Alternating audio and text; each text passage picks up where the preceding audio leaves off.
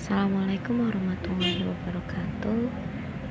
Kembali lagi bersama saya Nida Sakina dengan podcast berjudul Motivasi.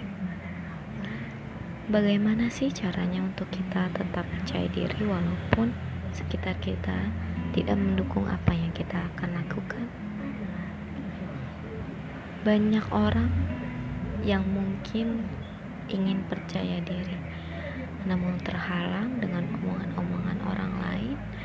yang membuat dia cemas seketika.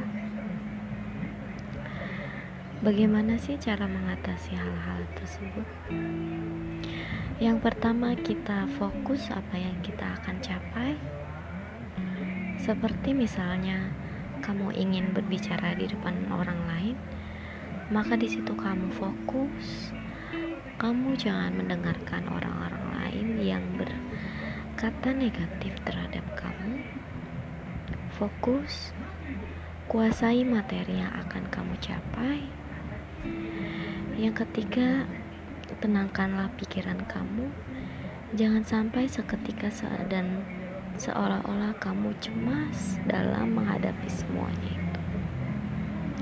Dan yang terda, yang terakhir yaitu Jangan lupa untuk tetap berdoa demi kelancaran apa yang kamu akan capai. Kasih untuk mendengarkan podcast saya.